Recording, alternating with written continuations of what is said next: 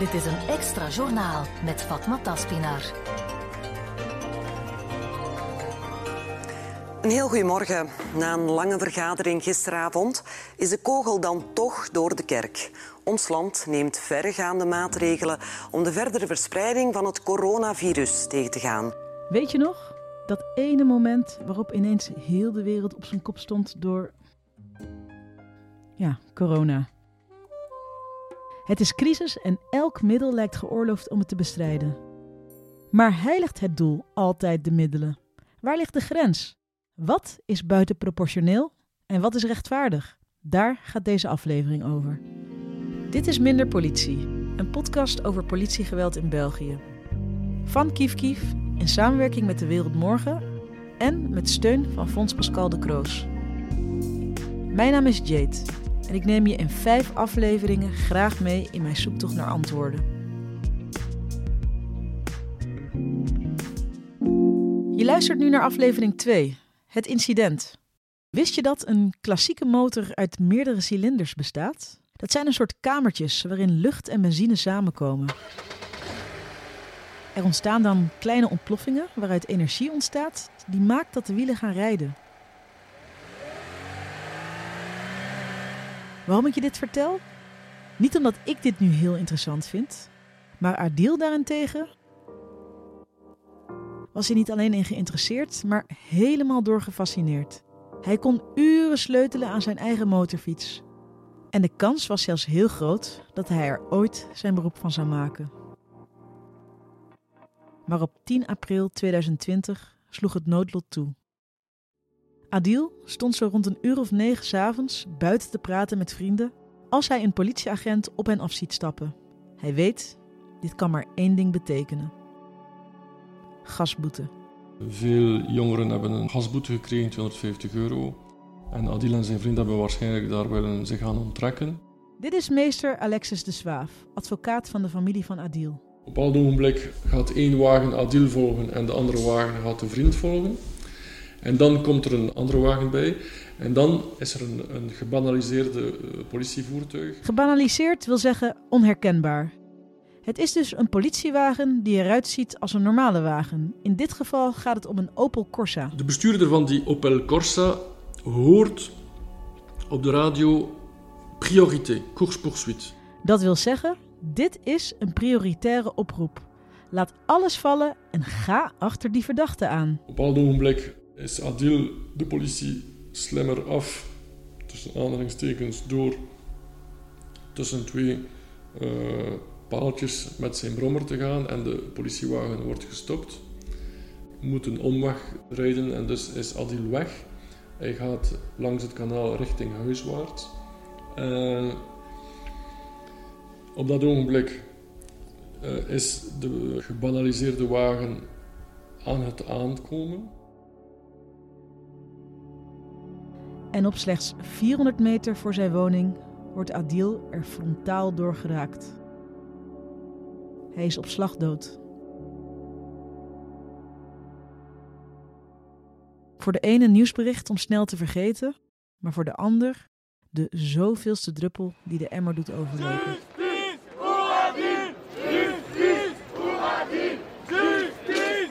Mensen komen massaal de straat op om hun verontwaardiging te uiten.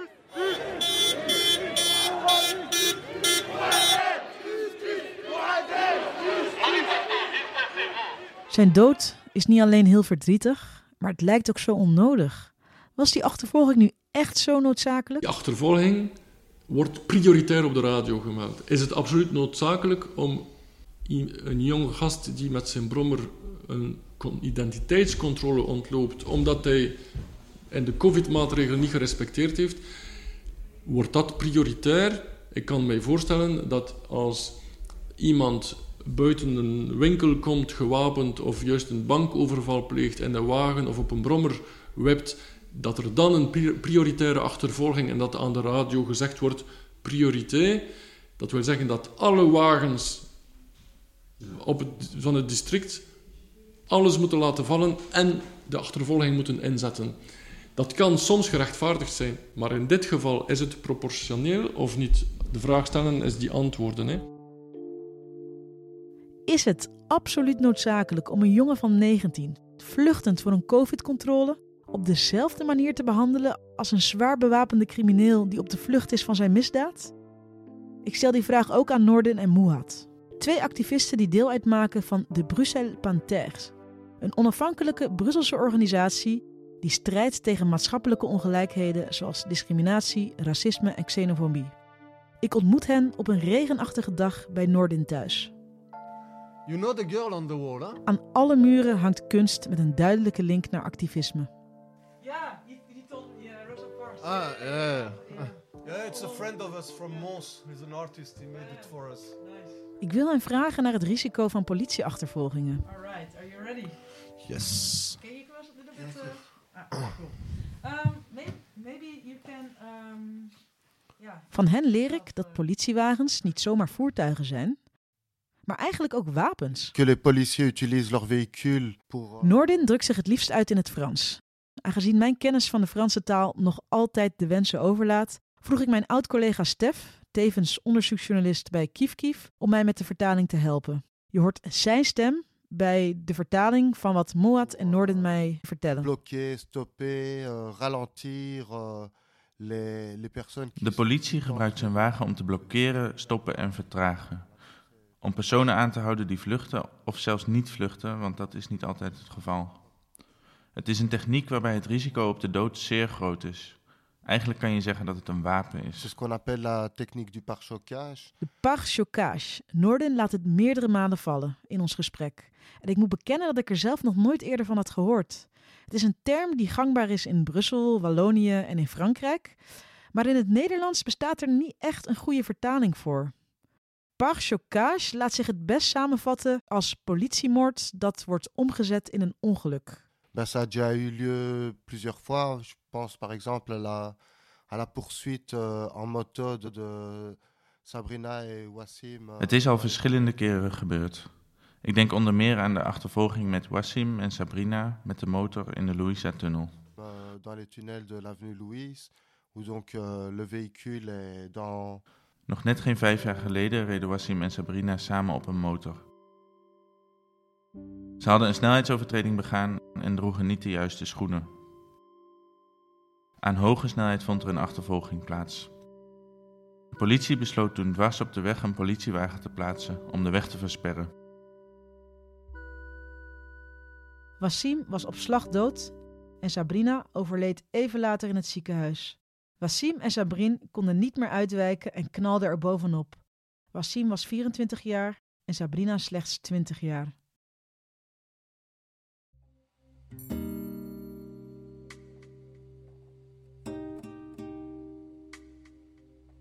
bien avant même que le choc ait eu lieu. Donc euh, c'est une technique euh, mortelle pour arrêter le véhicule. Die politieagenten weten heel goed dat wanneer er een motor aankomt uit de tunnel en je aan het eind van de tunnel een object plaatst om de weg te blokkeren, dit tot de dood kan leiden.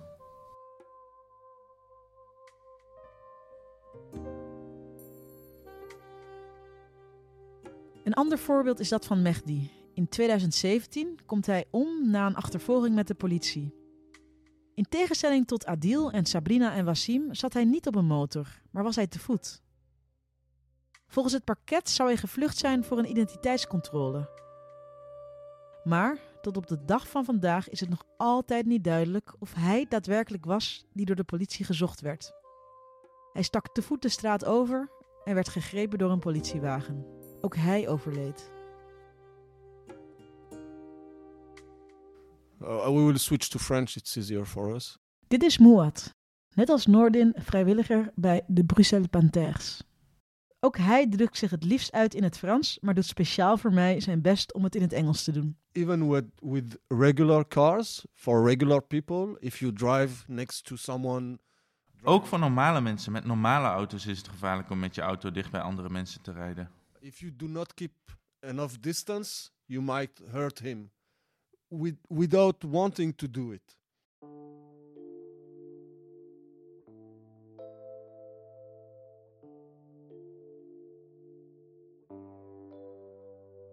Begin mezelf steeds meer vragen te stellen. Is het inzetten van een achtervolging als middel om iemand te pakken niet veel te gevaarlijk? Zijn de risico's niet te groot? Zijn er geen andere, veiligere middelen die leiden tot het uiteindelijke doel: het uitdelen van een boete? Is de politie zich niet bewust van die grote risico's die het achtervolgen met een wagen met zich meebrengen?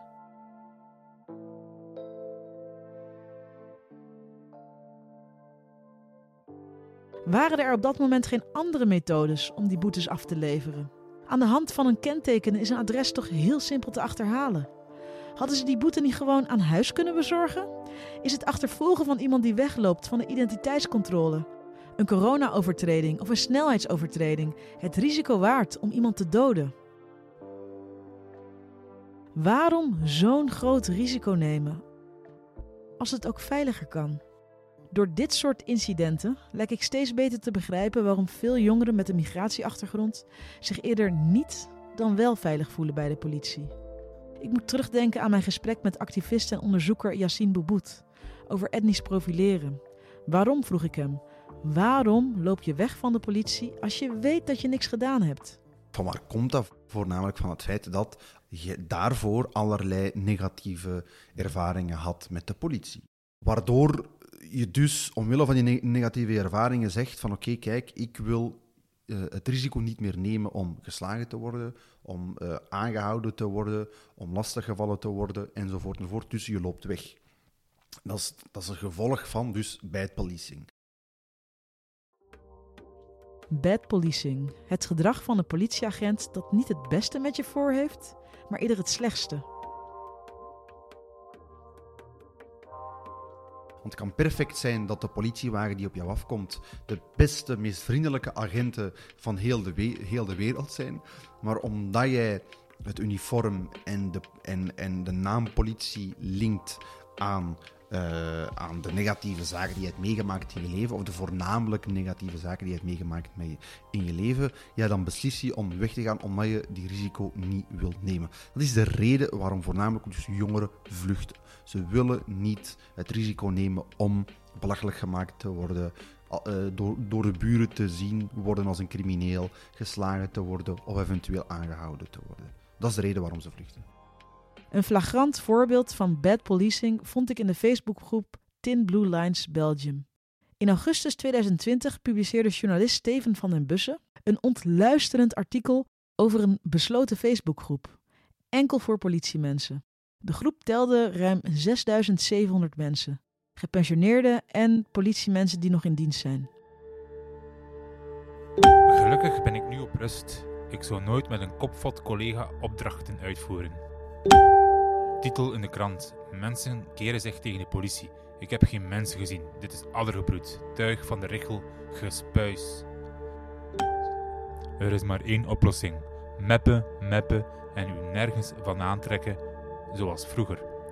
Als het mogelijk is met een vuistslag, dan druipen er veel af. Ik weet niet wat ik erger vind, die racistische berichten zelf of het ontbreken van commentaar dat deze walgelijke berichten afkeurt. In een groep van bijna 7000 leden, die zichzelf collega's noemen, zijn er amper tot geen reacties van leden die het gedrag van hun collega's afkeuren. z.press.police.belgium.eu Als onderwerp typ ik interview met Olivier Slossen. Vraagteken. Beste, Momenteel werk ik aan een podcastdocumentaire voor Kief Kief en Apache over politiegeweld. Ik probeer daarbij verschillende mechanismen bloot te leggen, zowel van binnen als buiten de politie, die zouden kunnen leiden tot minder geweldsincidenten. Ik zou graag Olivier Slossen een aantal bevindingen voorleggen en hem vragen naar zijn kijk op de kwestie. Zou ik via u met hem in contact kunnen komen? Alvast bedankt. Hartelijke groeten, Jade. Nog diezelfde week krijg ik antwoord beste. Meneer Slossen vraagt zich om u door te verwijzen naar hoofdcommissaris Jurgen de Lansheer, korpschef van de politiezone Brussel-Zuid en voorzitter van de conferentie van de Brusselse korpschefs. Met vriendelijke groeten.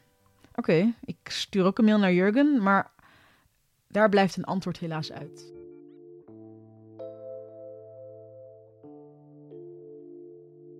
Ik vraag me af hoe we dit oplossen. Hoe zorgen we ervoor dat mensen niet onnodig sterven? Achtervolgingen met wagens afschaffen als middel om mensen aan te houden? Een cursus antiracistisch handelen voor alle agenten? Moat van de Bruxelles Panthers heeft een beter idee.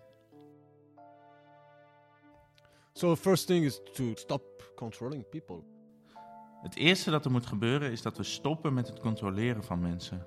Voor ons lijkt het heel normaal, maar in veel landen heb je geen identificatieplicht. If not most countries in the world, you don't have an ID. You don't have controls in the street. That's already the case even in London or uh, or uh, in New York, in the States. You don't have an ID. You don't have a card België, Nederland, op wereldniveau zijn wij blijkbaar een van de weinige landen die het wettelijk verplicht stelt om altijd met een identiteitskaart rond te lopen. Zelfs in Londen of New York heb je geen idee. Mensen kunnen een paspoort of een rijbewijs hebben of een social security number. En er zijn natuurlijk momenten waarop je je moet identificeren. Maar gewoon op straat rondlopen, tegengehouden worden door de politie, die eigenlijk in vraag stelt waarom je er bent. Basically questioning why are you alive and why are you in the street. Die eigenlijk in vraag stelt waarom je er bent, waarom je leeft. That's the only thing you're doing. You're just alive and being in the street. you do nothing else. And a policeman can stop you to ask you to identify yourself.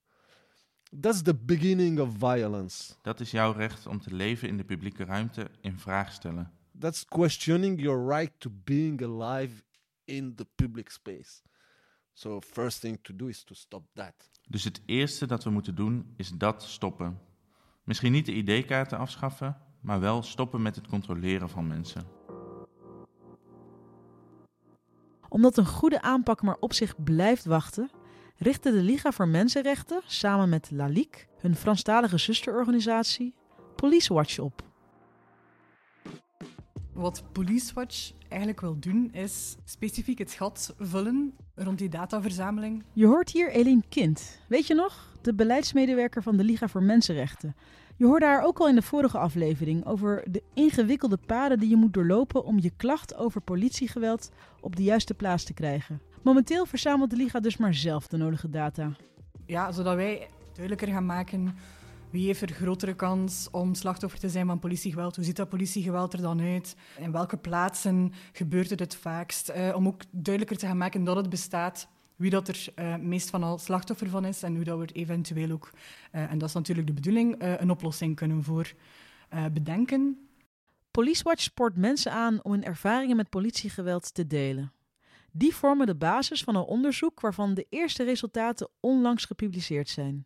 Enkele resultaten die mij opvallen zijn dat slechts 29% van de slachtoffers een officiële klacht indiende.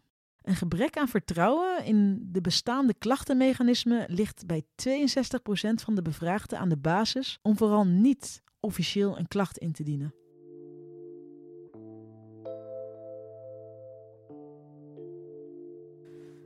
Terwijl ik nadenk over de mogelijke oplossingen, moet ik weer aan Adil denken.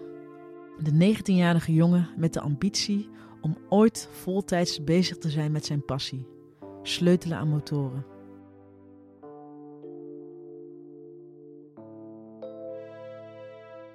Hoe had zijn dood voorkomen kunnen worden? Een jaar na zijn dood publiceert het dagblad De Morgen een opmerkelijk artikel. Aan de hand van camerabeelden en getuigenissen werden de laatste minuten van Adils leven gereconstrueerd. Uit dat onderzoek blijkt de achtervolging op Adil helemaal niet het gevolg te zijn van COVID-controles. Hij reed al op zijn brommer toen twee politieagenten in een wagen besloten om hem te volgen. Deed hij iets wat niet mocht? Of was het zijn uiterlijk dat de politieagenten niet aanstonden? Het is nog altijd niet duidelijk waarom. Extra pijnlijk natuurlijk voor de familie en vrienden van Adil, die nog altijd niet weten waarom hij doodging. Wat zou zijn leven gespaard hebben? Zou minder contact met de politie echt leiden tot minder risico op gewelddadige confrontaties en dus tot minder politiegeweld? Zou stoppen met die wettelijke plicht om ten alle tijde je identiteitskaart bij je te moeten dragen en het stoppen van identiteitscontroles? Zou dat de eerste stap zijn tot minder slachtoffers als gevolg van politiegeweld? Minder politie. Is dat het antwoord? Daar hoop ik in de volgende afleveringen meer over te weten te komen. Minder politie is een zoektocht van mij, Jade Yorks. Een podcast die ik maak in opdracht van Kief Kief in samenwerking met De Wereld Morgen en met steun van Fons Pascal de Kroos. De eindredacteuren zijn Nina Henkens en Stef Arens. Verder werkten ook mee Habiba Boumassa en Karin Schuitema. Zonder de verhalen, getuigenissen en expertises van meester Alexis de Zwaaf, activisten Mouad en Noordin van de Bruxelles Panthers, had ik nooit deze aflevering kunnen maken. Dankjewel.